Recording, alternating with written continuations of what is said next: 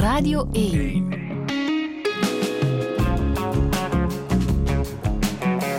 Douche. Met Friede Lesage. En met Farnouche Godot-Dade. Goedemorgen. Goedemorgen, Friede. Hoe gaat het? Uh, goed, heel goed. Uh, verrast dat ik hier uh, mag zitten. En heel, ik voel een enorme eer dat ik hier mag zijn bij jou. Je hebt gisteren een bijzondere voorstelling gespeeld, Roomy Passion. Ja, inderdaad. Hoe ging het? Heel goed. Dat was heel mooi. En dat was ook wat dat we twee jaar eigenlijk het voorbereid hebben voor die specifieke avond. Uh, en nog meer moois dat het in de komende jaren zal natuurlijk volgen. Uh, maar uh, voor ons is dat een heel bijzondere uitvoering geweest. Want het is vandaag een heel bijzondere dag. Hè? 17 december is een soort feestdag voor Rumi. Inderdaad, ja. inderdaad. Het is de dag dat hij weggevlogen heeft van deze aarde, maar heeft het nooit verlaten. En dan moeten we even vertellen wie Rumi precies is. Ja, de Rumi is een, uh, van de mooiste zielen dat je kan je voorstellen die ooit in, het, uh, in de wereld heeft geleefd. Hij is een 13e eeuw dichter en mysticus van Iran. Um, die uh, door de Mongoolse invasie in de 13e eeuw heeft de pad van migratie moeten afleggen met zijn familie en uiteindelijk beëindigd in Konya in Turkije en daar overleden. En hij is een heel bijzondere persoon die heel bijzondere pad van het leven heeft afgelegd. En voel je dat de mensen die naar de voorstelling komen kijken, want die is trouwens uh, maanden op voorhand uitverkocht als jullie ergens ja, uh, spelen, inderdaad. dat de mensen die komen, dat die een band hebben met, met Rumi? Sommigen kennen hem en sommigen uh, maken kennis mee en dat is wat dat we heel blij mee zijn om zijn woorden te mogen verspreiden en zijn liefde mogen weergeven en heel klein kleine glimp van zijn liefde. En zo de mensen motiveren om over hem te lezen. En, uh, en dat is heel veel gaande in de krok in de, krok in, uh, bibliotheek De Krok in, uh, in Gent. Als je nu gaat naar de Krok in Gent, Inderdaad. dan kan je daar zijn versregels zien en ja. horen en lezen op, op, alle mogelijke heel manieren. veel over hem zoeken en, Ja. en vinden. En zijn woorden vloeit naar het hart. En veel heeft inderdaad te maken met deze bijzondere verjaardag. Hè. Het is inderdaad Inderdaad. 750 jaar geleden dat hij is gestorven, maar zo noemen jullie het niet. Hij is verenigd met God Ja, als een soort eh, godsfiguur. Ja. Op welke manier wordt dat gevierd in, in Konya? Ja, dus eigenlijk vandaag wordt het uh, de Shabe Oros uh, genoemd, of de Wedding Night. Dat is de dag van uh, viering eigenlijk. Ja. Omdat de dood wordt gezien als de brug naar vereniging met de goddelijke. Een soort Dus- verrijzenis? Ja, Ja? dus eigenlijk ja, reizen en uh, verenigd worden.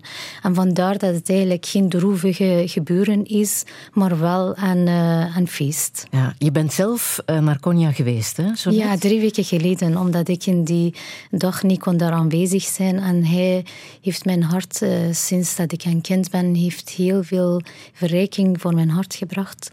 Uh, en heel veel licht ehm, in mijn hart doen schijnen. Uh, ten ere van hem en ten ere van de connectie dat ik voel met hem, ben ik drie weken geleden wel naar Konya geweest. En wat valt daar te zien of te beleven in Konya?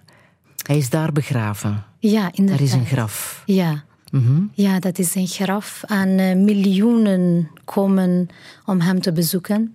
Van verschillende geloofsgemeenschappen, van verschillende mensen van verschillende landen. Dus het is niet noodzakelijk dat het uh, mensen van Iran of Turkije of, of Afghanistan, waar dat zijn reis begonnen is, eigenlijk de huidige Afghanistan um, naartoe komen. Maar wel van de hele wereld komen heel veel mensen naar hem, omdat die connectie voelen en hem willen eren ter plekke. Eigenlijk. Heb jij iets bijzonders gedaan daar op die plek, als je er was? Ja, ja dus dat was echt een heel uh, rare moment om binnen te stappen in tranen. Maar voordat ik binnenstap eigenlijk, was een kat uh, in de ingang. Ja? En ik voel een uh, soort plastic op mijn schoenen trekken, dat ik eigenlijk uh, zo... Mijn schoenen mag je niet uh, binnengaan. Um, en die kat is gewoon op mijn schoot komen zitten.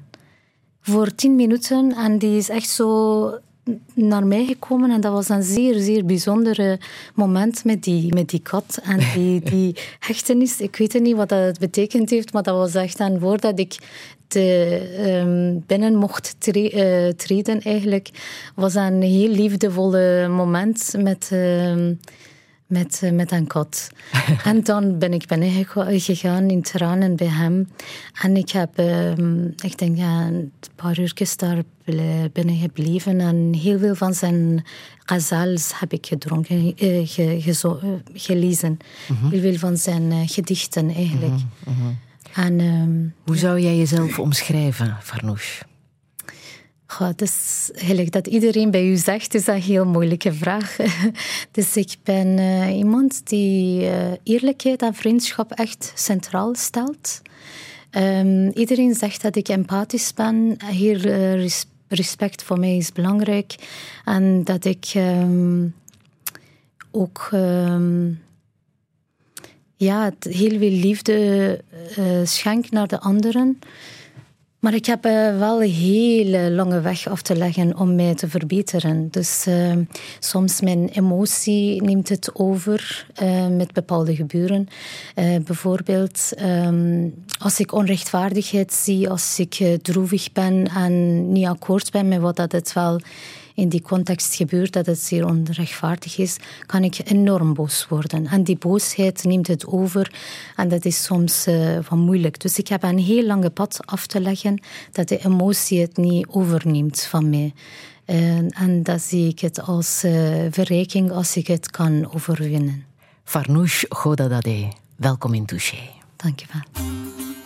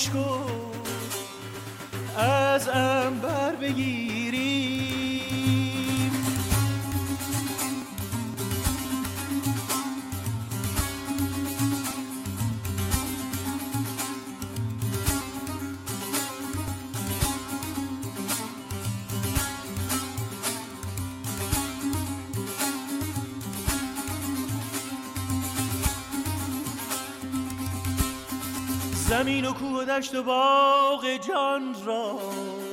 زمین و کوه و دشت و باغ جان را. همه در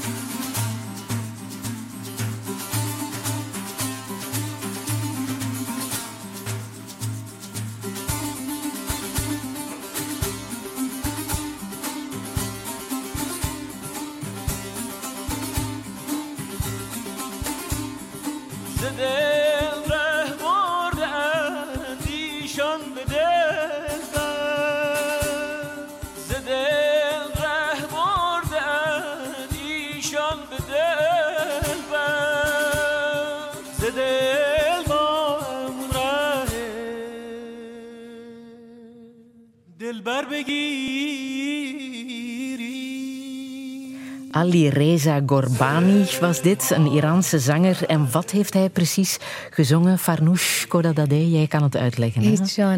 Ja, die heeft een van de ghazals van, uh, van een van de gedichten van Rumi heeft gezongen. Dat eigenlijk ehm, de ziel van de dag ook wel zou tonen, de, gelukzaligheid en die prachtige feest dat, het, ehm, dat zijn vertrek inhoudt eigenlijk.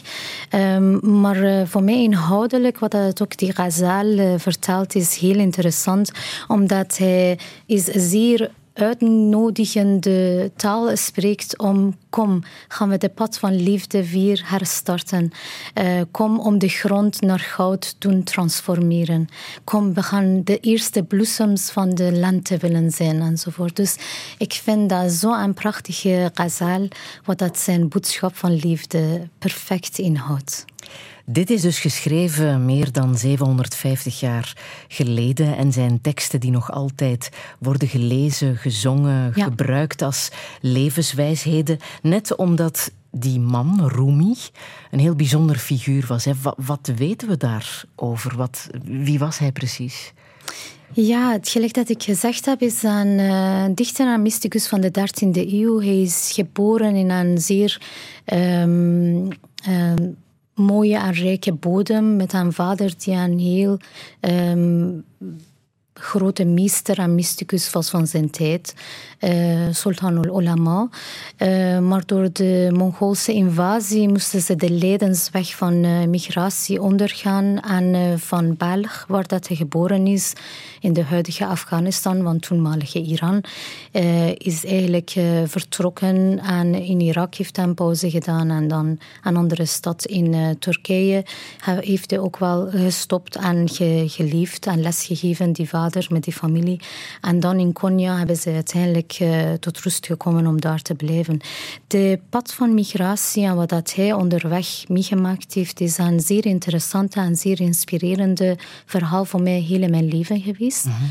Omdat hij heeft heel veel lijden gezien. Hij heeft zijn moeder verloren onderweg. Hij heeft... Uh, hij was getrouwd heel jong en heeft zijn eerste vrouw ook verloren. Um, maar hij heeft ook wel heel veel rijkdom en heel veel kennis opgedaan. Uh, met, uh, met heel veel grote meesters kennis te maken. Wanneer dat hij in Konya toegekomen is, is zijn vader is gestorven. Dan is, heeft hij de zetel van vader overgenomen. Omdat hij was uh, een jonge man die enorme bagage van kennis had. En hij heeft ook een heel bijzondere ontmoeting gehad. Hè? Ja. De ontmoeting met Shams. Ja, Shams Tabrizi. Ja. Wie was dat precies? Shams Tabrizi um, is um, zeer, zeer bijzondere iemand. Um, hij, is, hij wordt gezien als een zwerver en Soefi die eigenlijk zich voor niets, nergens bij geen enkele uh, tariqat of geen enkele systeem vastleggen. Een soort uh, verlichte derwish, het totaal tegenovergestelde van Rumi, zoiets? Ja, ik kan het wel ook wel noemen, omdat de fam en uh, bekend zijn en uh, hij was er echter tegen. En hij was er tegen het systeem en hoe dat de mensen in de machtpositie met elkaar omgingen. Uh, en hij stelde alles in vraag. Hij was iemand die zeer kritisch was. En voor die zeer kritische ziel dat hij had, uh, hij was in heel veel plaatsen op een bepaald moment niet welkom. En wat ik ook interessant over hem vind, is dat in een gesprek vroeg hij altijd Vertel me, wil je luisteren of wil je spreken? Dus hij maakte afspraak met de persoon dat hij tegenkwam. En hij heeft heel grote meesters gezien en hij heeft dan heel brede kennis van islam en heel veel um, kunde uh, in heel veel vakken. En dus, dus die, twee, die twee hebben elkaar ontmoet en zijn veertig dagen samen geweest. Hè? Inderdaad, maar die um, ontmoeting is een zeer uh, belangrijk en een sleutelmoment van het leven van Rumi. En Rumi dat we nu kennen. Want, uh, dat is de basis geloof... geweest van al zijn uh, poëzie. Ja, maar niet dat hij niet aan um, dichtersziel had. Uh, Rumi had het zeker dat, uh, dat deskundigheid en woordenmeesterschap in zich.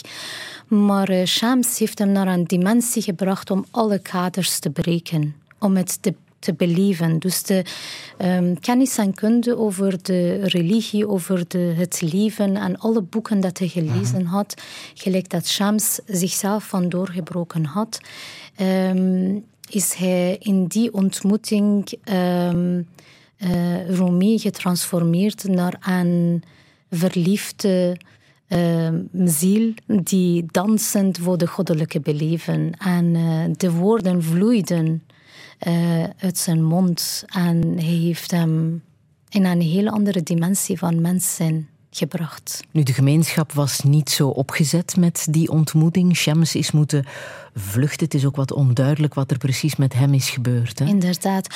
Maar dus dat gaat over twee soulmates die elkaar vinden en aan elkaar gehecht geraken en voor elkaar uh, meester, student worden en die transformatie van positie. En een keer is Rumi de meester van Shams. En dus ze hebben enorm elkaar verrijkt.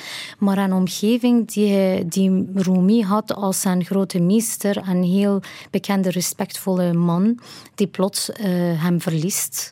Iemand anders heeft de plaats genomen en ze, hij is van hen afgenomen. Mhm. En ook de manier dat Shams uh, Rumi en zijn ego heeft gebroken voor publiek, heeft heel veel mensen geraakt en kwaad gemaakt. Um, hij heeft hem echt uh, dingen laten doen, hij heeft uh, zaken met hem gedaan dat hij heeft zijn ego enorm gebroken, hij heeft hem nietig gemaakt. En wanneer dat je je ego achter jou kan laten, kan je verder vliegen. Mm Dat is wat Shams met Rumi gedaan heeft. Je hebt een paar verzen meegebracht, hè? Ja. Wil je daar een stukje uit, uit lezen? Ja, uiteraard. En, en één heel bijzondere, dat hij op die dag, vandaag, 17 december, 750 jaar geleden, op zijn sterftebed voor zijn zoon heeft gezegd. En dat vind ik het een zeer mooie, maar ik heb een paar uh, versen, want het is een langere gedicht natuurlijk. Maar ik ga dat lezen in Persisch en een klein beetje context te scheppen om dat uh, um, ja, te kunnen vertellen wat het is. Want die lagen van die gedicht is zodanig veel dat het niet gemakkelijk te vatten is. Hij zegt... Um, رو سر بنه به بالین تنها مرا رها کن ترک من خراب شبگرد مبتلا کن ماییم و موج سودا شب تا به روز تنها خواهی بیا ببخشا خواهی برو جفا کن. از من گریز تا تو هم در بلا نیفتی بگزین ره سلامت ترک ره بلا کن. دردیست غیر مردن آن را دوا نباشد پس من چگونه گویم کین درد را دوا کن. در خواب دوش پیری در کوی عشق دیدم با دست اشارتم کرد که عزم سوی ما کن. گر اجدهاست بر ره عشق است چون زمرد. از برق این زمرد هین دفع اجدها کن. Het dus, klinkt, ja, het klinkt prachtig. Ja, zijn Ook al begrijpen wij daar geen enkel woord van, maar alleen al de toon uh, klinkt als muziek. Ja, zijn decadans en zijn woordenmeesterschap is enorm te bewonderen. En wat is de boodschap die hier nu in zit? Ja, hij spreekt eigenlijk over de moeilijke, voelige pad van mystiek. En wat het met jou maakt als mens, dat je zo nietig wordt en um, dat je dat in je eenzaamheid van je belevenis toch gelukzaligheid vindt van vereniging met, met de goddelijke. Dus dat eenzaamheid of alleen zijn is niet noodzakelijk pijnlijk, maar dat is een heel grote pijn omdat je zo gescheiden voelt van de goddelijke. Dus dat is wel een, uh, ik zeg, dat is zodanig veel uh, lagen in deze poëzie dat het niet te doen is. Maar, uh, Hij is ook het morele kompas van eh, niet alleen moslims, maar ook joden, christenen. Veel religies vinden zich terug hè, in, in de poëzie van Rumi. Ja, inderdaad, want in deze poëzie zegt hij ook wel dat. Um, um, de, de, zegt tegen zijn zoon eigenlijk dat de ego is de draak op de weg. En de liefde is de smar, uh, smaragd Want ik vind het een moeilijke woord. Dus die, mm die, die edelsteen eigenlijk, die emerald stone, is, uh, de schijn daarvan is, uh, is gelijk de liefde. En dat is wat je moet gebruiken om je ego te overstegen. En gelijk dat u zegt, inderdaad, hij heeft uh, effectief de kompas voor velen. ik vind dat heel prachtig hoe hij um, zichzelf als moslim overstijgt in zijn belevenis, maar wel uh, zichzelf niet meer een moslim ziet, maar wel een universele man van de wereld.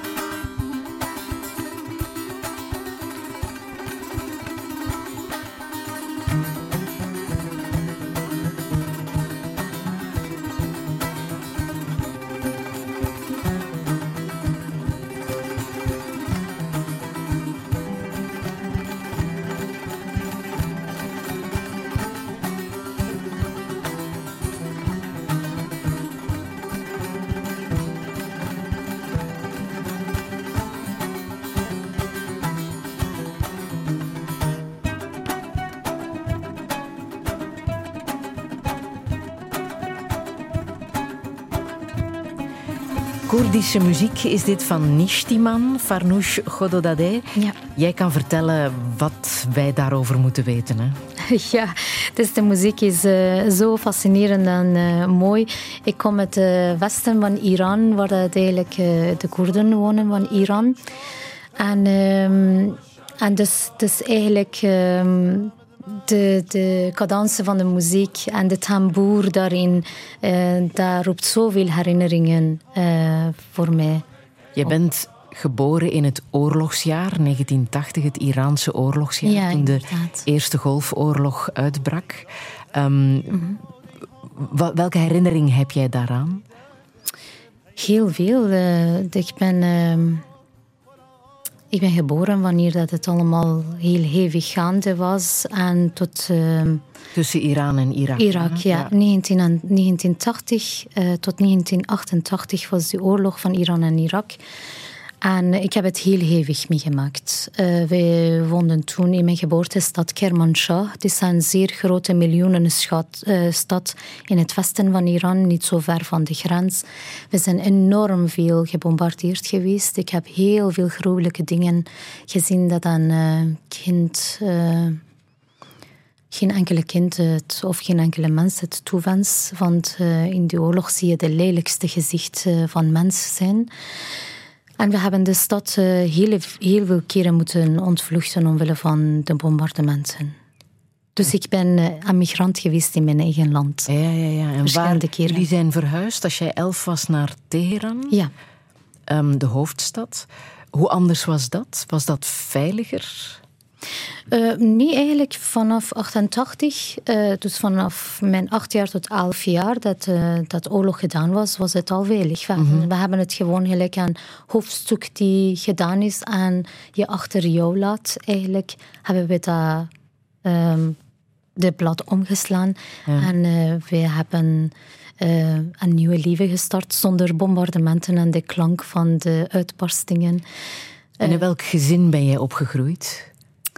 In een uh, heel wonderbaarlijk, mooi en warm gezin. Ja. Ik uh, zie mijn ouders doodgraag en nog meer bewonder ik hen als uh, twee heel sterke mensen die in een zeer moeilijke setting en context hebben ze kunnen een enorm mooie evenwicht voor ons um, creëren om te kunnen in zo'n externe gewelddadige externe geweld eigenlijk um, ons in, in, in, in balans te brengen met muziek en licht en uh, liefde. Ik kan me herinneren dat uh, mijn mama um, las heel veel poëzie voor ons. Dus dat is heel diep in onze cultuur. Uh, dat is echt een heel grote houvast en grote pilaar van onze cultuur, de literatuur en al de um, grote meesters van Perzische literatuur. Hij maakte de boek van Khayyam open en ze begon te zingen voor mij. Mag ik het zingen? Ja, ja, graag. Ja. En die zong, ik hoop dat ik het goed kan doen. Het is allemaal geïmproviseerd. Maar dat beeld van haar in die bombardementen, dat ze de boek opendeed en uh, begon te zingen, wat dat effectief de boodschap van uh, het leven voor mij geworden um, was, is zeer blijvend in mijn hoofd. zij zong. این قافله عمر عجب می گذرد دریاب دمی که با طرب می ساقی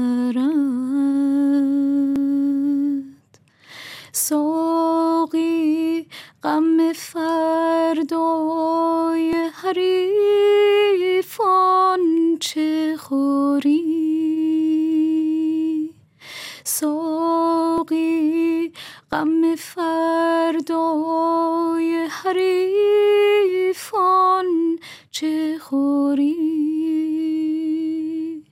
پیشار پیاله را که شب می گذرد پیشار پیاله را که شب می گذرد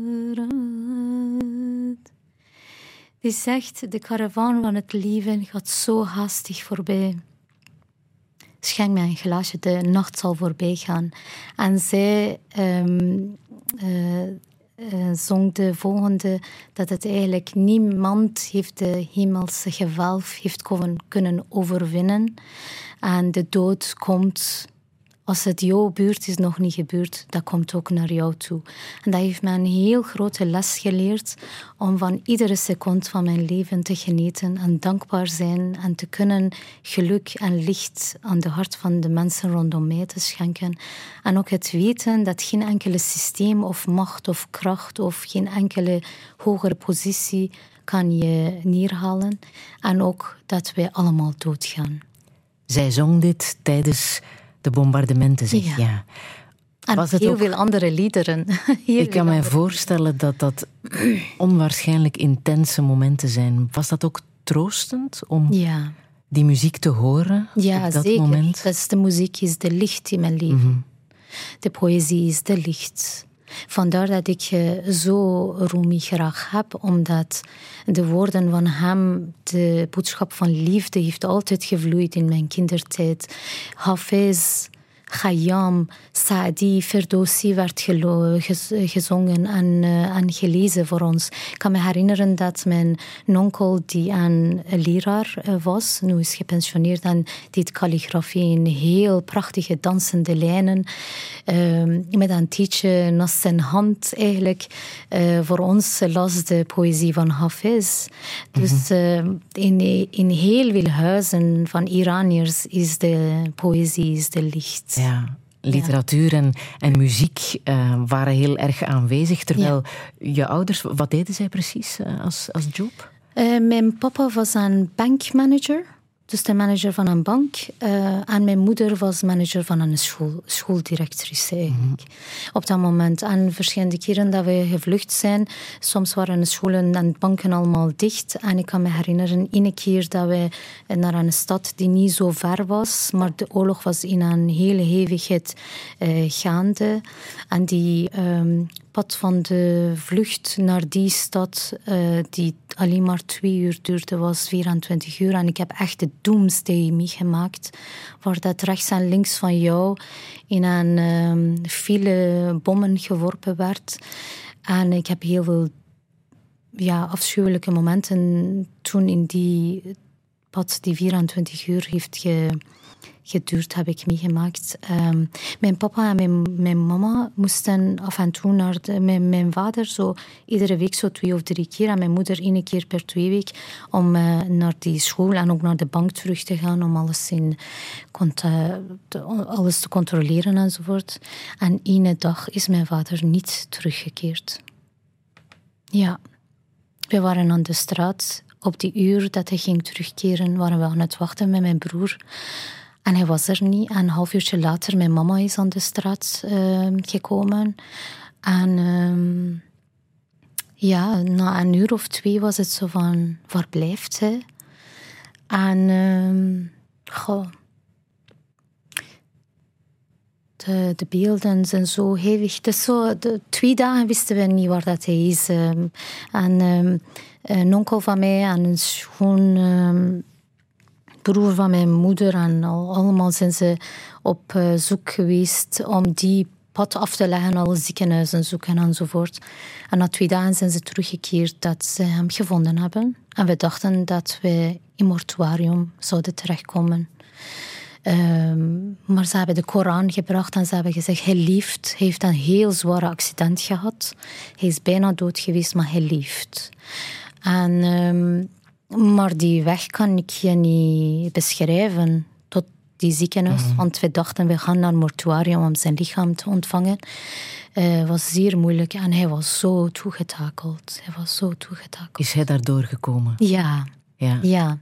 Maar wel een enorme lijdensweg van vier maanden dat hij in heel zware gipsen van die tijd was. Mhm. Van zijn tien tot, uh, tot de gordel rond zijn... Uh, bekken, omdat uh, zijn bekken was gedestabiliseerd en zijn uh, femur was volledig gebroken. En het enige dat hij overgehouden heeft is dat ene been is twee centimeter um, korter geworden.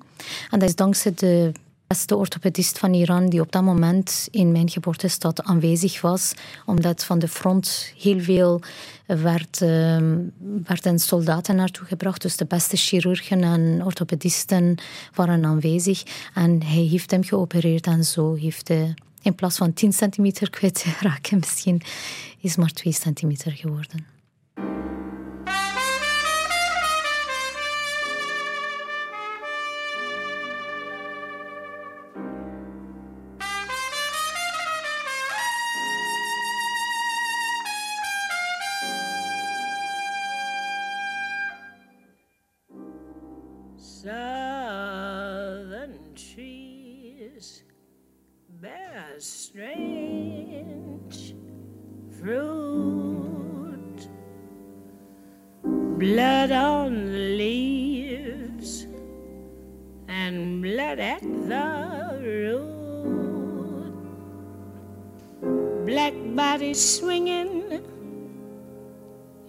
In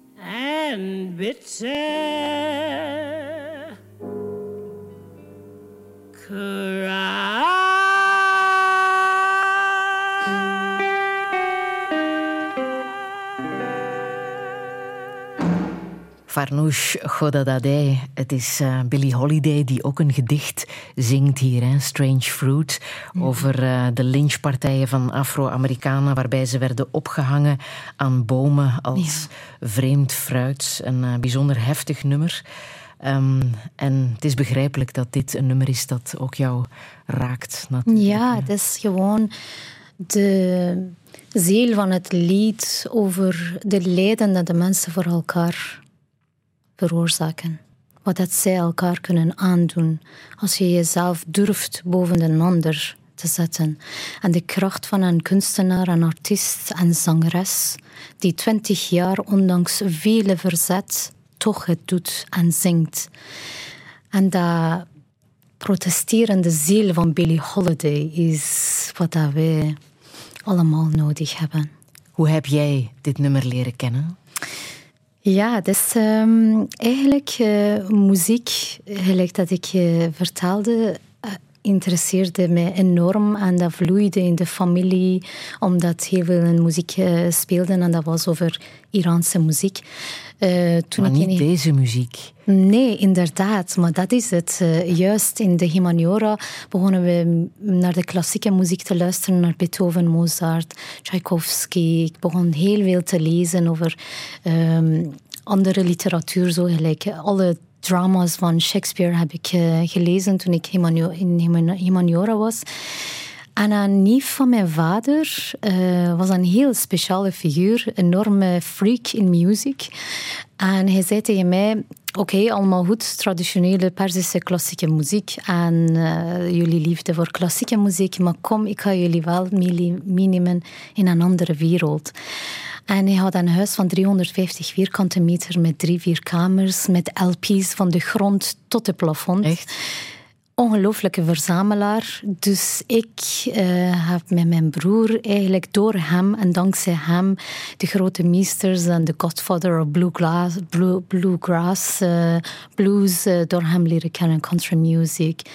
heel veel naar Ray Charles ge, geluisterd, Bonnie Raitt en heel veel grote meesters eigenlijk. Hè. Dus zo Harry Belafonte, allemaal zo door Maar dat hem. is allemaal muziek die niet echt te horen is op de Iraanse radio of in de cultuur van Iran, denk nee, ik. Nee, maar het, omdat het niet aanwezig is in de uh, publieke omroep, betekent niet dat het niet betekent in de huizen van mensen. Ja, ja, ja. ja. ja. En was dat dan verboden of, of uh, dat was het wel werd toegestaan? niet uitgezonden en dat is niet te luisteren of niet te horen. Um. Sommige strekkingen uh, willen ze gewoon de muziek ook niet enzovoort. Dus er zijn heel veel controverse over hoe dat je in de publieke omroep zelfs met Perzische klassieke muziek omgaat. Of dat de muzikanten niet getoond worden enzovoort.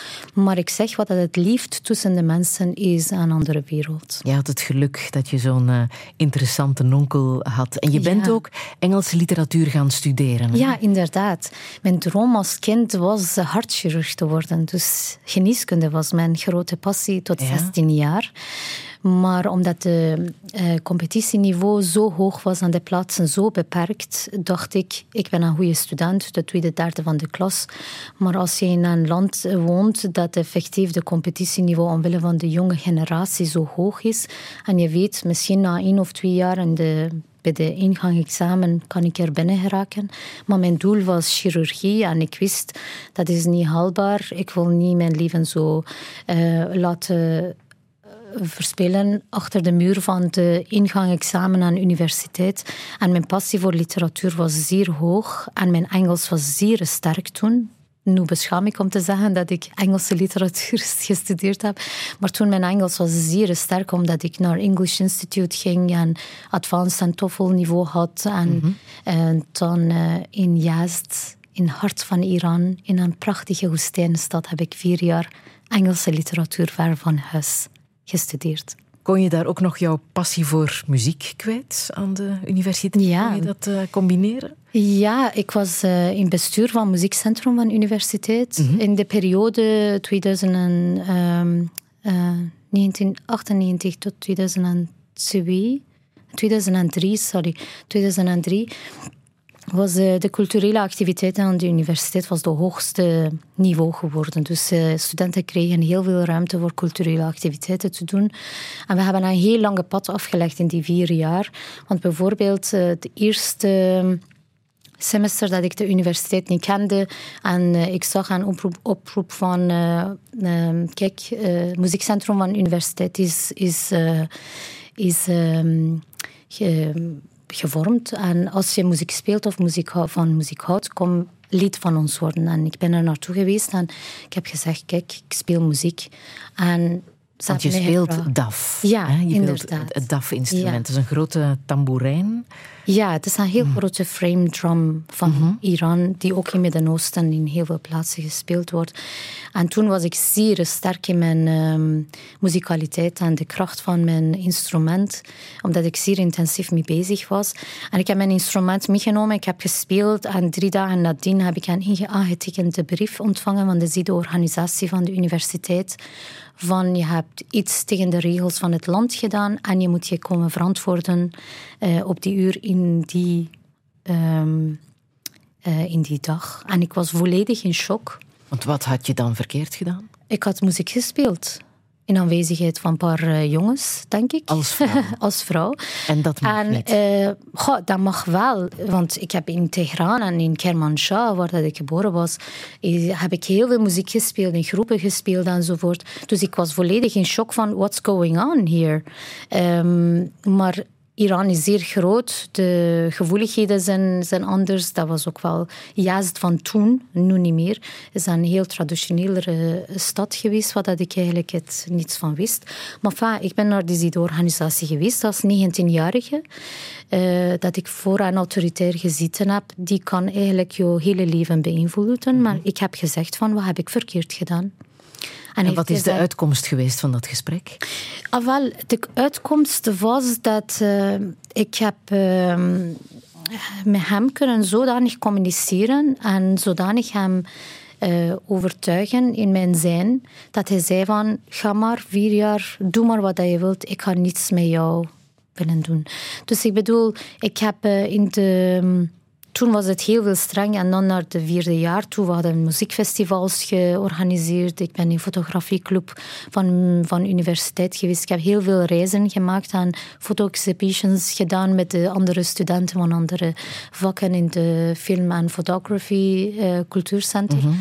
Dus dat was echt een... Ik noem het altijd mijn universiteit het golden ages of my life. Omdat we hebben heel veel bereikt met uh, verzet, met ons ding doen. Ja. Met heel veel vrienden die effectief uh, meededen en nog heel goede vrienden zijn. Ondertussen woon je al uh, lang in Gent. Weet je nog wanneer je hier voor het eerst hebt gespeeld op jouw DAF-instrument?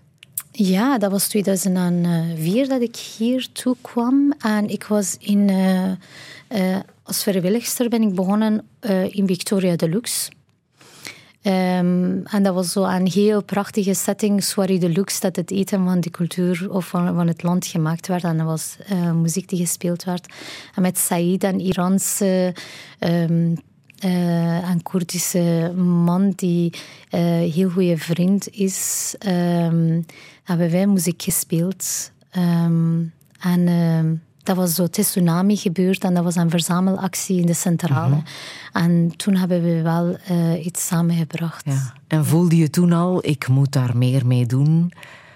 Ik moet voorstellingen oh, maken, ik moet daarmee naar nee, buiten komen? eigenlijk niet. Um, ik had mij volledig ingesmeten om in acht maanden Nederlands te leren. En in mm -hmm. drie jaar heb ik het diploma van verpleegkunde met onderscheiding uh, behaald. Maar wel met een heel, heel veel druk en heel veel doorzettingsvermogen. En heel veel steun van mijn vrienden en mijn man Dirk, die altijd mij bijgestaan heeft.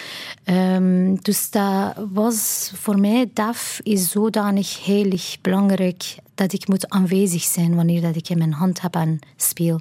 En de context van toen uh, vroeg het ook niet. Dat was echt een zeer bizarre. Dan ben ik begonnen te, te werken als verpleegkundige in mhm. operatiekwartier hartchirurgie. Um, dus eigenlijk en een stuk van mijn droom is waar geworden om de eer te hebben om naast hartchirurgen te instrumenteren bij de open hartoperaties bij kindjes en volwassenen en dan in intensieve zorg en hartchirurgie gewerkt, waar dat mijn hart daar ligt met veel collega's en intensivisten van daar. Um, maar, maar, maar, we hebben... Een... Muziek spelen nooit gelost, hè? Uh, jawel, tien jaar eigenlijk. Toch heb wel? Ik, ja, ja, ja. tien jaar. Dat was echt een bizarre tien jaar. Aha. Dat... Um, dat ik heb mijn DAF uh, aangeraakt enzovoort. Maar oh. ik weet het niet, maar ik heb het niet gespeeld.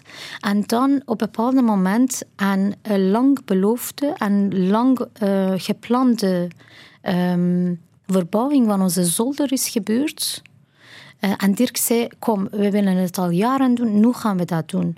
En de zolder is gemaakt en in die zeven jaar dat ik in België was, had ik heel veel tapijten, materiaal gebracht en in de kastjes gelegd voor ooit als dat Persische kamer zou komen. Dus dat is een ja, Persische kamer geworden. Ja, de Friedel, dat, de, dat was een zeer psychologisch, zeer bizarre moment. Het moment dat de kamer was er en ik heb Persische tapijt op de grond gezet en alle materiaal was daar, dan dacht ik de dorst van, ah, waar is mijn DAF? Maar als je na tien jaar weer je instrument in je hand neemt, veel professionele muzikanten die een man niet spelen en weten, oei, ja, ik moet me weer oefenen. Ik had alles kwijt. De kleur, klank, kracht, alles was weg. Maar ondertussen is het wel weer helemaal terug. Dat kan ik wel zeggen. Ik heb jou zien spelen. Is het, je palmt het hele publiek in alsof je al heel je leven speelde. Dat er nooit een pauze nee, is geweest. Dat is, dat ik, ik sta daar omdat wij met zo'n prachtige muzikanten uh, aan setting zijn. En uh, François Taillefer is echt een multipercussionist. De krachtigste en een van de mooiste mensen dat ik ken. Dat ik naast hem is een eer om te mogen percussie spelen. Dus daarom. Ik, ik, wil nog heel even deze prachtige muziek laten horen. Dit is het thema van Schindler's List, gecomponeerd door John Williams en gespeeld door Isaac Perlman op zijn uh, Stradivarius. Ja. Heel bijzondere muziek. Hij is een uh, Israëlische uh, violist, ja. kreeg er ook een Oscar voor. Waarom is deze muziek voor jou zo bijzonder? Ja, ik hou van John Williams en zijn kracht van composities en wat dat hij in de filmen brengt van de menselijke emotie. En dit raakt mij iedere keer weer hetzelfde verhaal van wat dat de mensen kunnen elkaar aandoen. Wat zijn we mee godsnaam bezig? En dit nummer wil ik vandaag gespeeld wordt voor Gaza, want hetzelfde is going on there.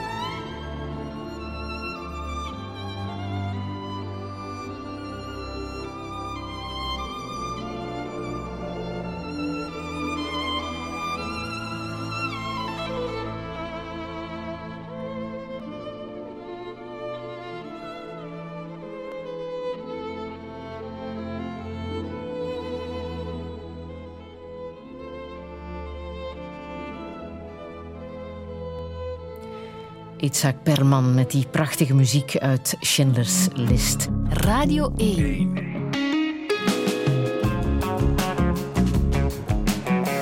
Douche.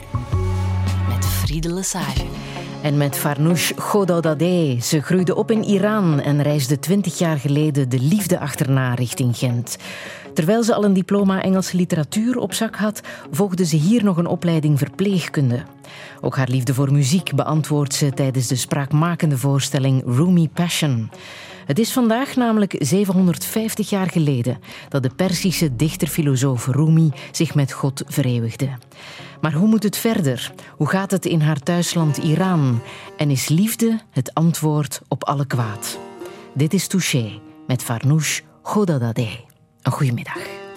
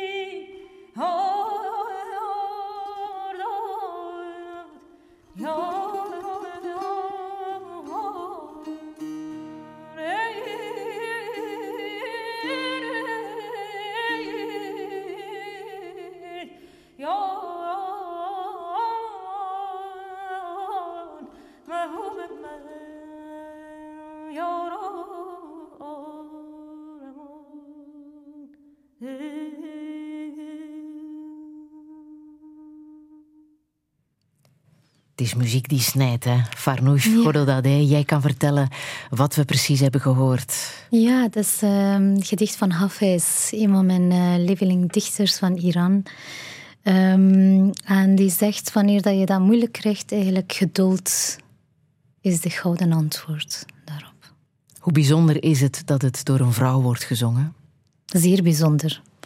Ik zie haar heel graag en we hebben zo prachtige, krachtige Iraanse zangeressen dat uh, ik ben heel trots op.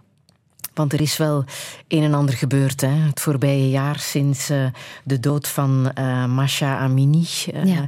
De jonge studente die in een politiekantoor in Teheran werd geroepen omdat haar hoofddoek niet, niet juist zat. Er was een haarlok zichtbaar. Um, ze is gestorven en sindsdien zijn er talrijke protesten geweest in Iran. Hoe mhm. is de situatie nu, een jaar en een paar maanden later? Um, er zijn uh, geen zichtbare protesten, denk ik, gaande. Ik ben niet in Iran om het te kunnen beoordelen, maar de voorbije uh, augustus dat ik er was, zag ik iets heel moois. Eigenlijk. Mm Heel moois. Ik was in de metro en in de metro zaten vrouwen zonder hoofddoek en vrouwen met chador en vrouwen met hoofddoek en niemand had iets met elkaar. En ik denk dat die evolutie gaat zich wel verder zetten. Dus natuurlijk door het systeem, door de regering, heel veel eh, straffen aan gebonden enzovoort. Maar de vastberadenheid van de Iraanse vrouwen en de statement maken van ik zal doen wat dat ik denk dat ik moet doen. En dat vind ik het, dat het van een heel belangrijke is. Um, wat um, de dood van Mahsa Amini in het hart van velen in beweging gebracht van genoeg is genoeg geweest. Ah, jij zegt, ik ben in augustus nog naar Iran geweest. Ja.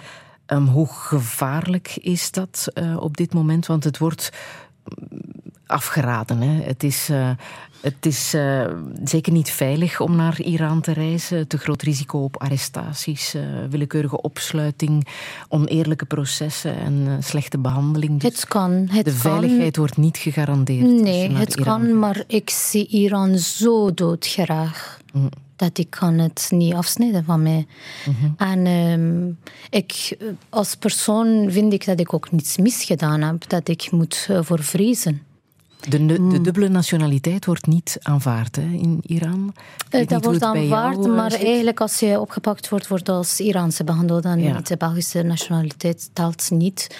Ik ben niet in problemen gekomen. Ik zoek het ook niet op. En ik wil... Uh, Iran zuigt me zo sterk naar zichzelf. Het is zo'n rijke plek op aarde. Ik zie mijn land zo doodgraag dat geen enkele machthebber kan me tegenhouden om er naartoe te gaan. Uh, maar wat dat het kan, de gevolgen zijn of iets zo kan zijn, maar dan is mijn leven zo uitgedraaid. Mm-hmm. Ik ben altijd met de wind meegegaan en met de stroom van het leven. Um, wat dat het gebeurd is, is not done.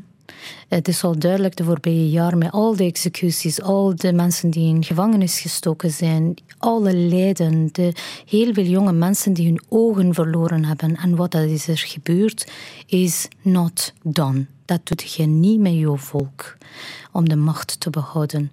Je gaat in conversatie gaan, je gaat um, communicatie open doen, je gaat compromissen sluiten, maar dat doet je niet. Neem jij deel aan protesten als je daar bent? Goh, nee, ik ga naar mijn familie. Ik ga naar mijn familie um, om, om hen uh, te bezoeken en Iran te ademen. Um, ik zoek de protesten niet op, maar voorbije jaar, 16 december, wanneer dat Mahsa is jammer genoeg overleden, was ik toevallig in Iran en mijn mama was geopereerd. En um, ze was bijna te been en ik wou um, een korte reis van een week maken om naar, naar Bastami, een van de belangrijkste mysticus van Iran ook wel, dat uh, in het oost, noordoosten van Iran is, om, om naar daar toe te gaan, om even in rust en stil te zijn. En de dood van Mahsa heeft alles veranderd. Dus ik was um, aan het lopen in de straten van Teheran met tranen, met lullaby zingende zingende voor de slachtoffers, maar ook voor de daders. Hoe mhm. blind kan je zijn om elkaar dit aan te doen? Mhm. Maar je zegt, er zit wel beweging in. De vrouwen hebben een stem gevonden, protesteren, komen op straat. Vrouwen hebben altijd een stem gehad. Iraanse vrouwen zijn nooit te onderschatten in hun DNA. Ja, ja. dat zit in ons DNA. Kijk, de Iran is eh, zo'n rijke plaats op aarde met zo'n rijke geschiedenis. En ieder land mag trots zijn op, er, op eigen geschiedenis. En Iran is zo oude Pers Perzische Rijk zit er uh, in ons bloed. De, uh, de rijkdom van, van de pilaren dat het in onze cultuur belangrijk is, gelijk muziek en literatuur, die zijn altijd de krachten geweest dat de mensen heeft bovenop het water gehouden. Mm -hmm. die land heeft heel veel invasies meegemaakt, heel veel bloed heeft die grond gezogen. Maar de mensen met de kracht van kunst hebben het altijd hun recht, uh, hunzelf uh, recht gehouden. Ik vind de kunst en muziek in Iran de ruggengraat van onze, van onze cultuur. Mm -hmm. En dat is de licht dat het altijd opgezocht wordt aan de mensen die altijd kracht in vinden. De Nobelprijs voor de Vrede is dit jaar gegaan naar een Iraanse mensenrechtenactiviste, ja. Narges Mohammadi, ja. als ik het goed uitspreek. Inderdaad. In, zij zit op dit moment uh, nog altijd in die beruchte Evin-gevangenis in, mm -hmm. in, Teheran. Maar hoe belangrijk is het dat zo iemand de Nobelprijs krijgt, dat daar ja, internationaal aandacht voor is? Ja, is inderdaad, inderdaad voor internationale aandacht heel belangrijk. Ik ben heel blij voor Nargis Mohammadi, voor alle opofferingen dat ze gedaan heeft. Maar er zijn heel veel namen en mensen dat we niet kennen. Dat de heel veel ook betekend hebben. Dus die um, status aan, aan de belangstellende Nobelprijs is uiteraard om fier op te zijn. En Narges Mohammadi heeft ook heel veel gedaan. Um, maar in dit recente beweging zijn er ook velen die heel veel voor opgeofferd hebben aan de voorbije jaren. Um, die heel veel sociale bewegingen in gang gebracht hebben.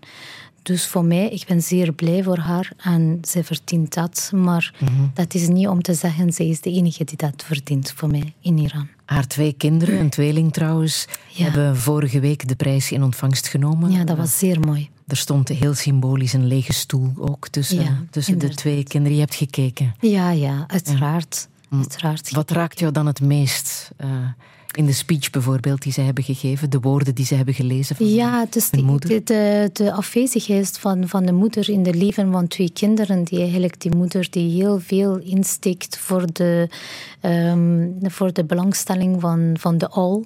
Mm -hmm. en de rol als moeder niet kan opnemen om voor haar kinderen te zijn. En dat is dan heel moeilijk, uiteraard, als je moeder bent, uh, om niet voor je kind kan kinderen kan zijn. Uh, en dat is een van de grootste opofferingen dat uh, Nargis Mohammadi uh, doet, eigenlijk, vind ja. ik. Um, om afwezig te zijn voor het leven van haar, van haar kinderen, maar kiest voor verzet voor het hele land, ja. voor mensen in het land.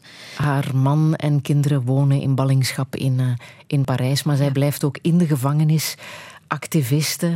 Uh, ze is terug in hongerstaking gegaan ja. uh, deze week. Um, zij draagt geen hoofddoek. Nee. Hm. En ik draag hoofddoek. maar jij wat betekent dat? Wat betekent, wat betekent dat? Ja, waarom ja, wat betekent... draag jij een hoofddoek? Wat ja, betekent het voor jou? Dat is inderdaad wat ik al twintig jaar mee geconfronteerd word. Ik heb uh, zoiets van, ik ben maar kleine Farnushke. Ik ben dit, aanvaard mij. Waarom moet ik mij verantwoorden naar jou? Waarom mm -hmm. dat ik iets doe en waarom dat ik iets geloof enzovoort. Laat ons allemaal zijn wie dat wij zijn en respect hebben voor elkaar. Er zijn heel veel mensen die heel religieus zijn in Iran en totaal niet akkoord zijn met wat er aan het gebeuren is.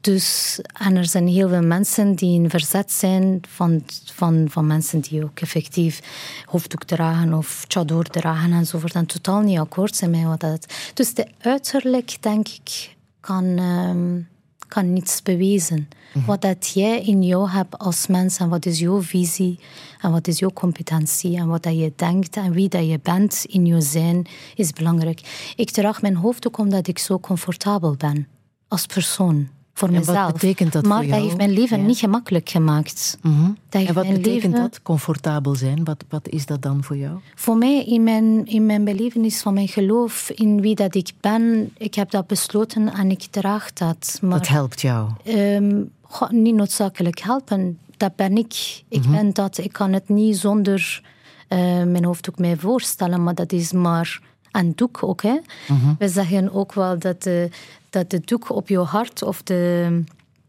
de, hoe dat jij in je hart zit, is wat dat je telt. Niet dat wat dat jij aan je hoofd uh, aandoet of niet aandoet. Mm -hmm. Dus uh, voor mij is altijd verbaaswekkend dat de mensen elkaar kunnen in vraag stellen. Alleen waarom doe je dat? Waarom zit je zo?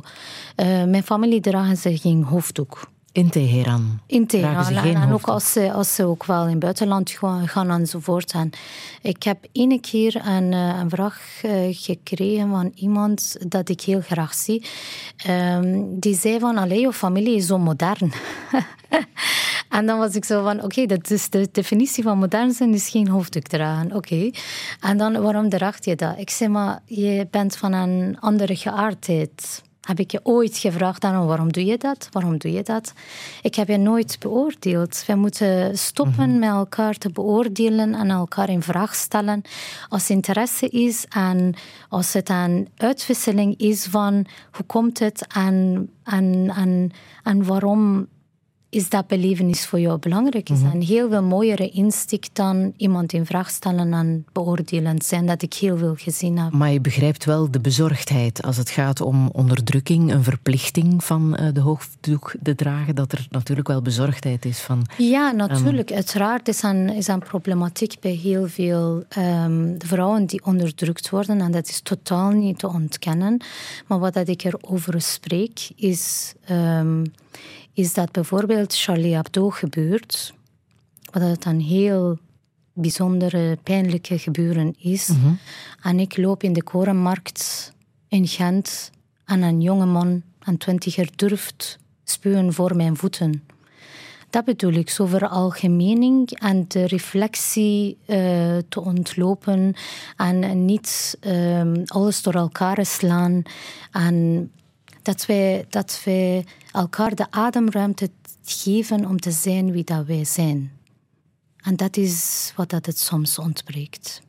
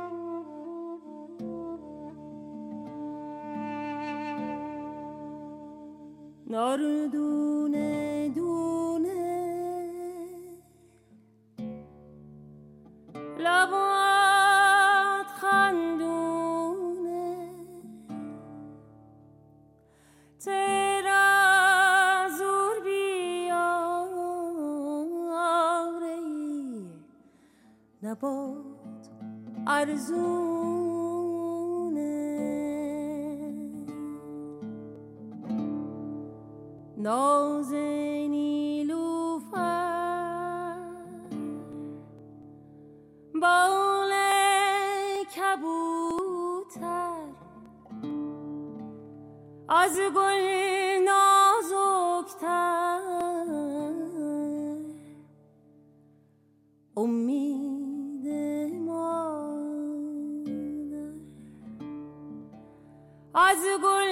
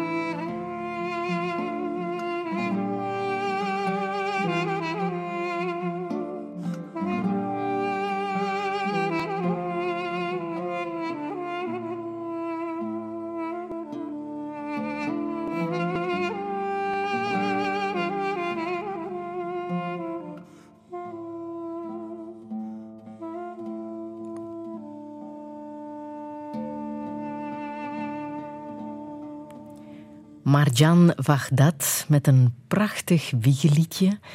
Farnouche Godadadeh, wat zingt ze precies? Ja, dat is een lullaby dat een mama voor haar kind uh, zingt met heel veel dromen en wensen voor haar kind. Maar die zegt vooral dat uh, de glimlach van haar kind is gelijk een klontje suiker. En is, uh, haar kind is zachter dan die bladje van de bloem en lichter dan de vleugels van de duifke. Je hebt het zelf ook gezongen. Ja, in de straten van Teheran. Ik zing deze, deze lullaby bij verlies van mijn patiënten soms. En ook uh, op intensieve zorg en neonatologie voor mijn kindjes mm zing ik dit, deze lullaby. Mm -hmm. Waarom doe je dat? Lullaby is zeer uh, troostend. Bevat heel veel emotie en liefde daarin. Aha.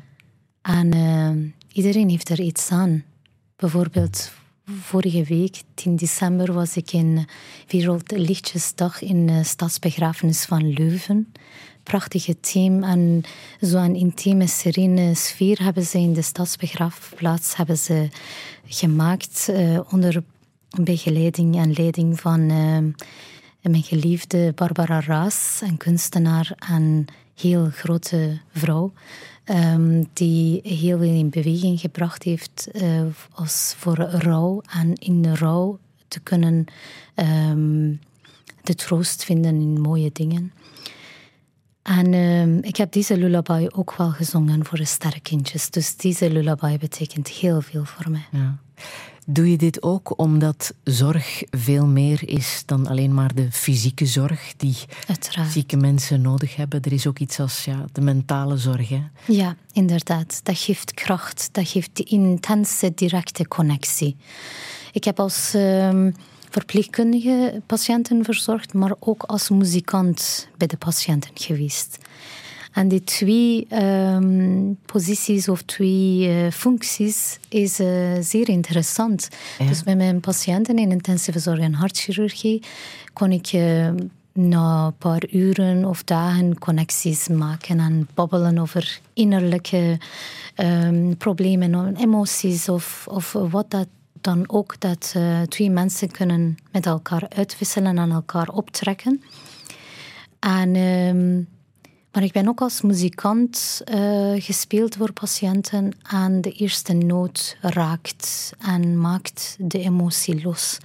Je wordt verlost van je gevoelens en je krijgt soms heel veel moed en kracht om voor te doen. Mhm. En dat is een heel krachtige facet voor genezing. Hè? Als je mentaal je krachtig voelt om ervoor te gaan om te genezen. Want de afdeling waar jij werkt op UGent, dat is een ja, dat is uh, zware kost, hè? Ja, heel zware kost. Ik heb dus uh, de eerste zeven jaar van mijn carrière in operatiekwartier hartchirurgie gewerkt. Na vier jaar fulltime daar te zijn, dacht ik, oh, intensieve zorgen interesseert me. En dan na drie jaar die combinatie 50-50 te doen uh, tussen operatiekwartier en intensieve zorgen, heb ik eigenlijk um, tot vorig jaar in intensieve zorg en hartchirurgie gewerkt, waar dat mijn hart in operatiezaal en intensieve zorg en hartchirurgie ligt met mijn intensivisten, geliefde artsen, dat ik zo trots ben dat ik met hen mocht uh, samenwerken aan mijn lieve collega's. En nu in neonatologie is ook een zeer zware kost en ik ben zeer blij met het team dat mm -hmm. ik mag versterken. Hoe heb jij de coronaperiode beleefd? Hevig, hè, Frida? Mm -hmm.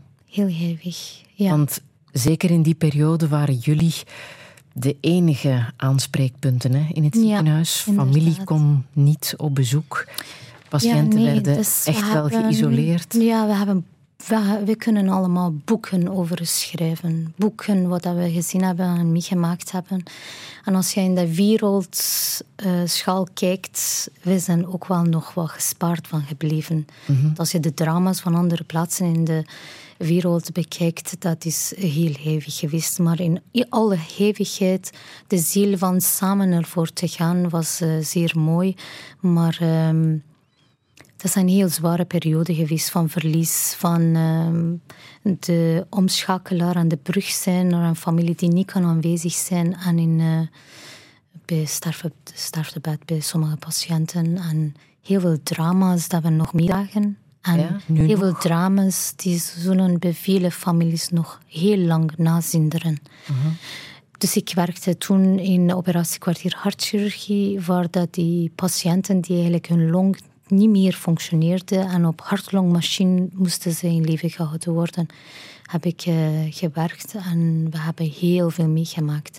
Ik heb toen ehm, Uh, ik mocht muziek niet spelen achter de FFP2-masker. Soms heb ik geprobeerd te zingen, maar dan door uh, hypercapnie was ik volledig, uh, volledig hoofdpijn enzovoort en geen zuurstof hebben. Maar dan heb ik besloten, ik ga DJ Farnoesje spelen. En voor mijn patiënten speelde ik muziek en ik praatte met hen enzovoort. Maar de drama's van is heel veel. We hebben heel veel jonge mensen verloren. We hebben heel veel meegemaakt, maar een van de schoonste van de coronaperiode, um, resultaat daarvan, is eigenlijk, um, ik was gecontacteerd geweest door uh, psychologen van uh, afdeling intensieve zorgen, dat een pas ex-patiënt van ons, die op hartlongmachine gestaan heeft en uh, was toen een zwangere vrouw die moest bevallen en omwille van haar respiratoire probleem dat wij verzorgd hebben op uh, intensieve zorg en hartchirurgie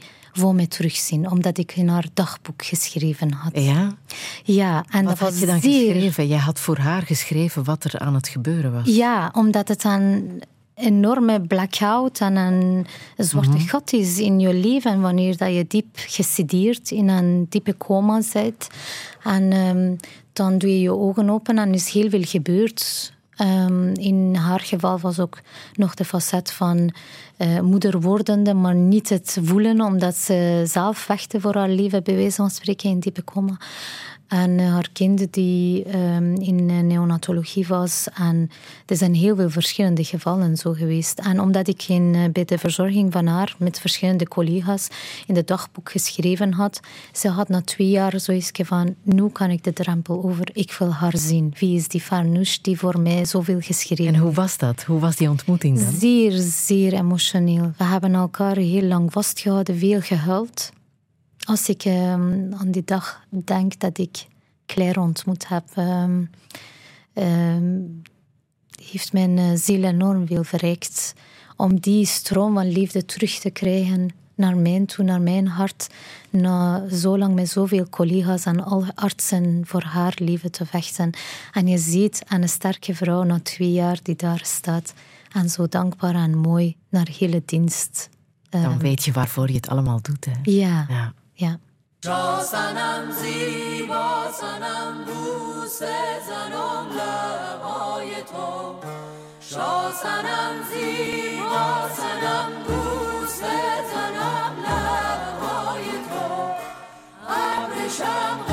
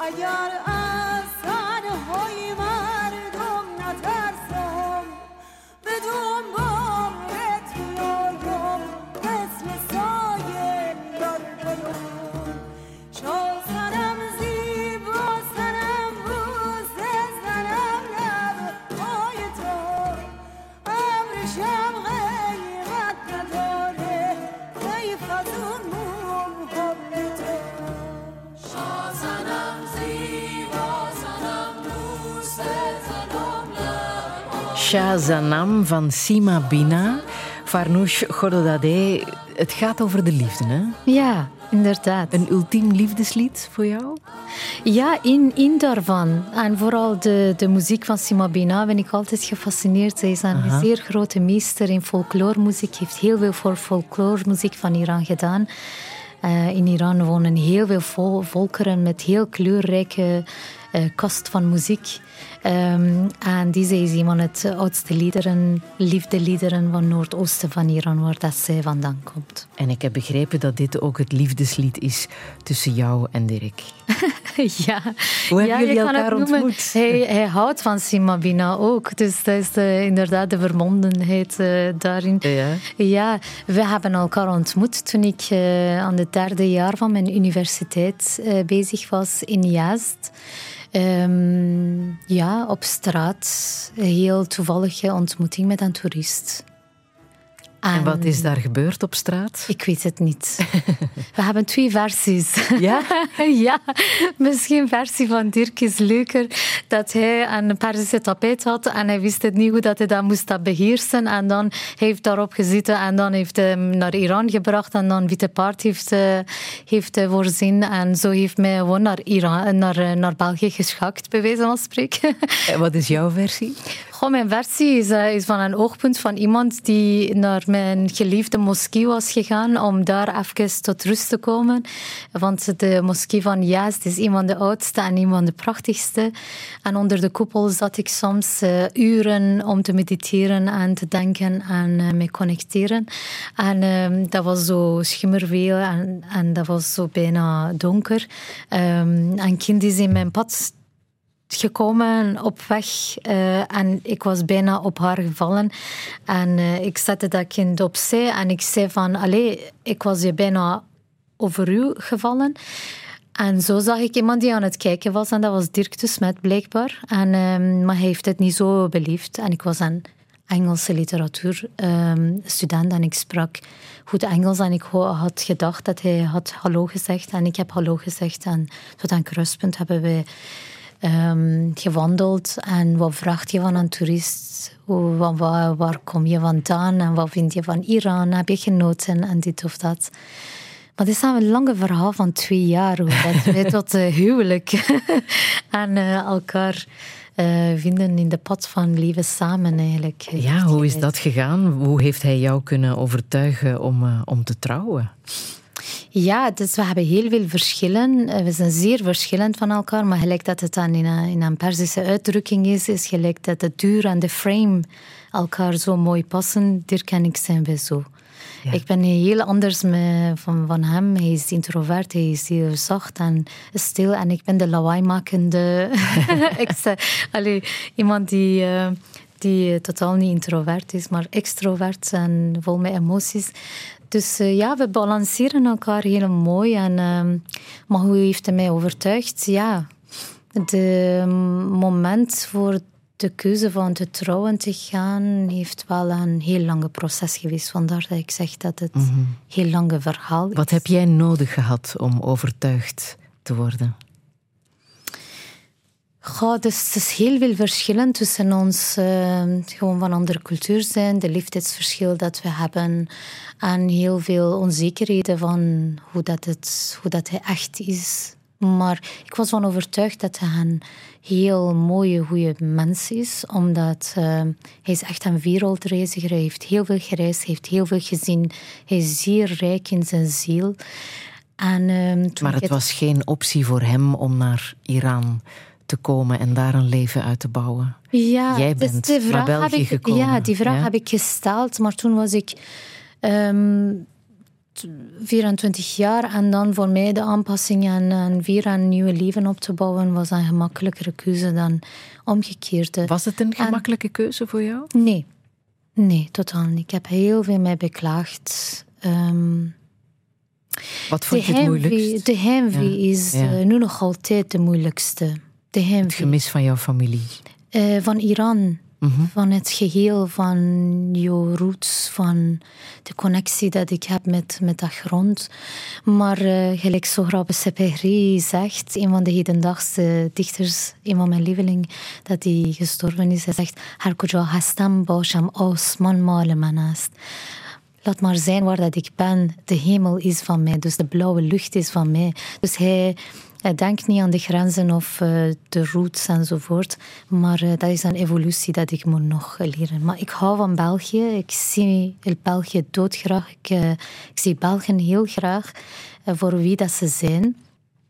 Um, maar Iran zucht mij enorm sterk naar zichzelf toe. Mm. Wat wist je over België voor je naar hier kwam? Heel weinig. Over Brussel, uh, over Europese Unie, over al de bewegingen. Dat het wel uh, in België en de neutraliteit daarvan is uh, in de functie in de, in de geschiedenis. Mm -hmm. had ik wel gelezen en gehoord, maar ik had het nooit aangevoeld hoe dat het is.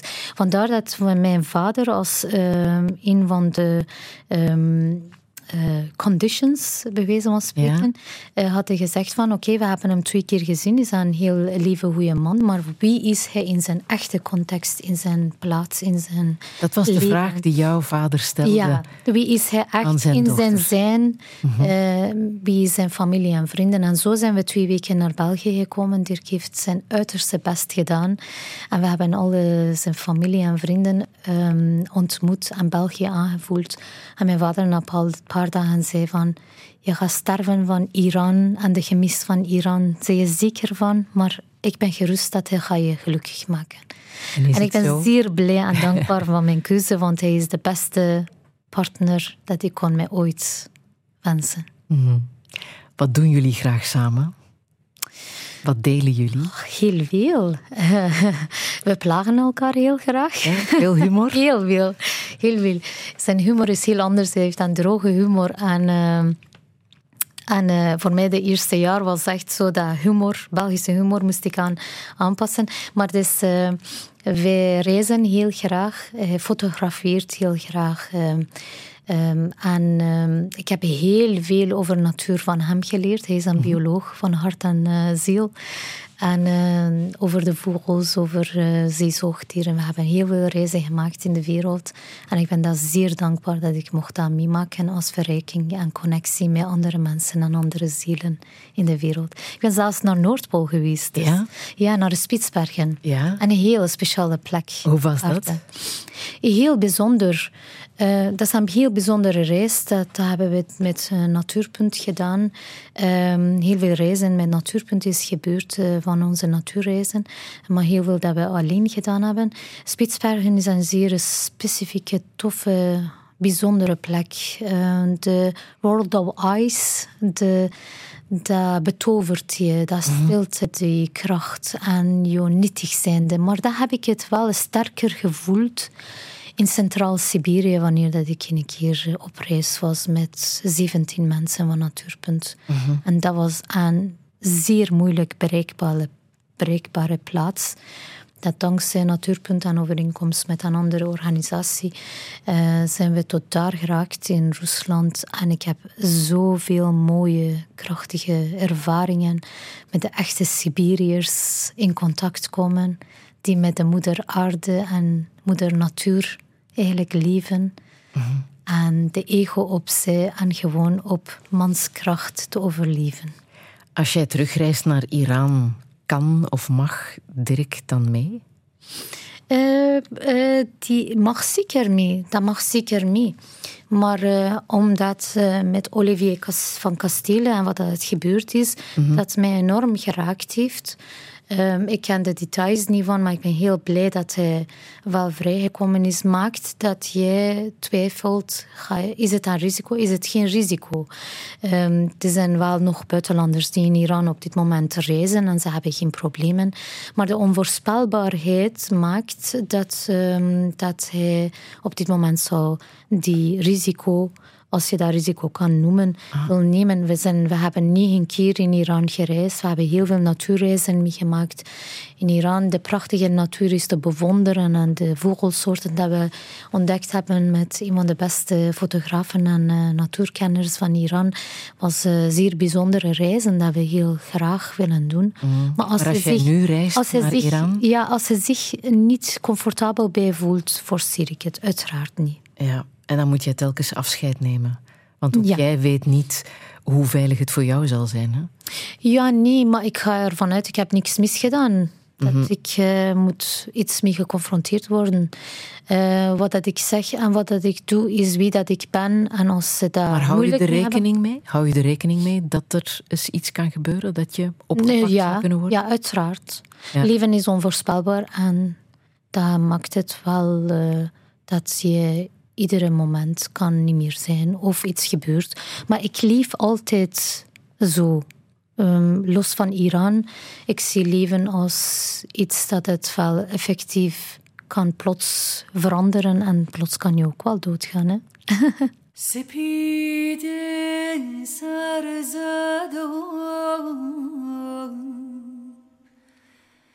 مرغ سهرخوان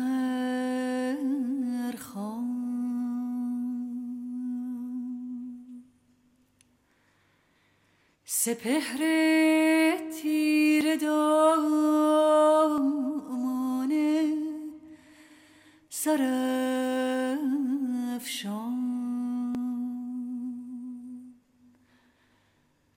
شبی گفتی شبی گفتی به آغوش تویم. یا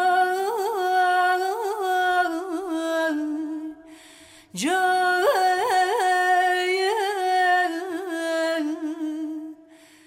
شبی گفتی به آغوش تویم.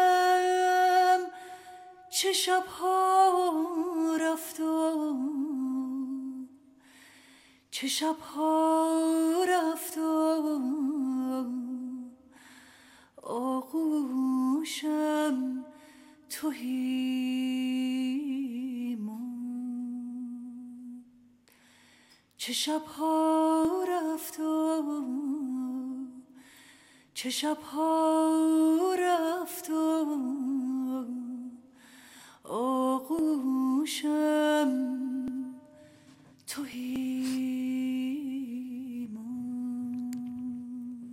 Longing heet dit nummer. Farnoosh Gododadeh. Waarover eh, gaat dit lied precies? Ja, over je geliefde die niet terugkeert.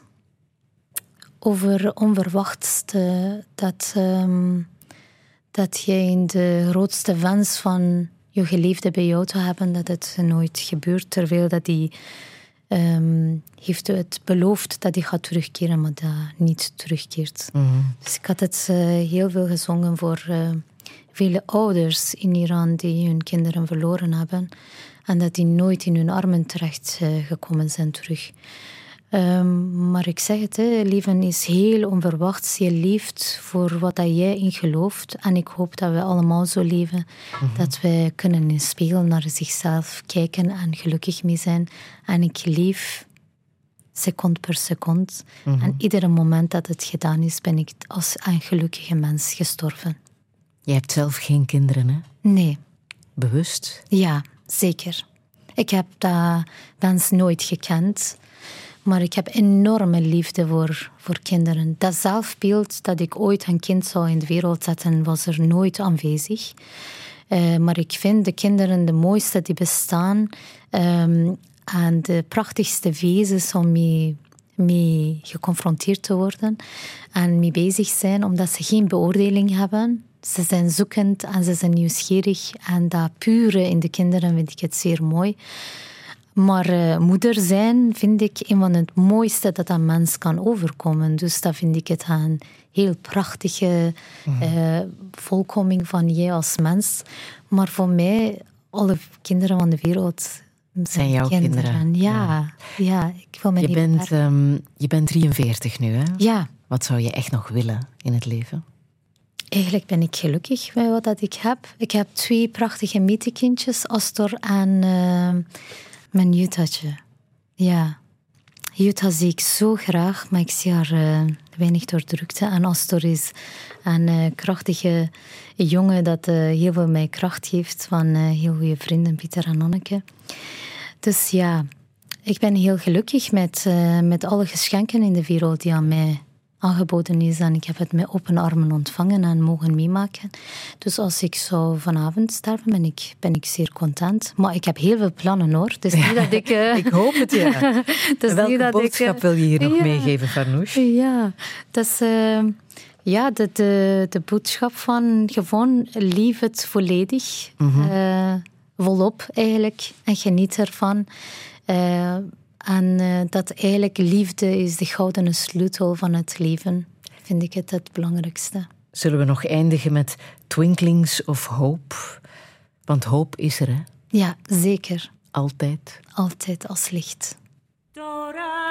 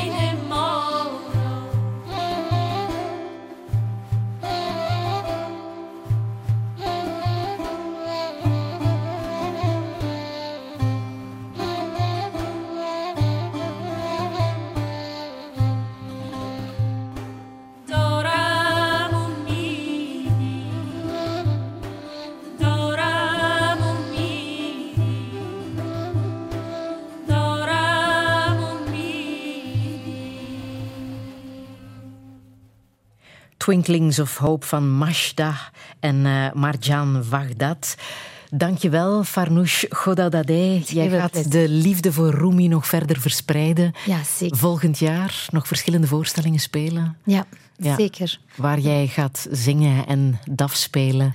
Naast heel veel andere muzikanten met Ja, composities. daar wordt gezongen en gedanst en het is eh, de moeite om eh, die voorstelling te gaan bekijken. Rumi Passion, volgend jaar dus op tournee door ons land. Herbeluister Touché in de app van VRT Max.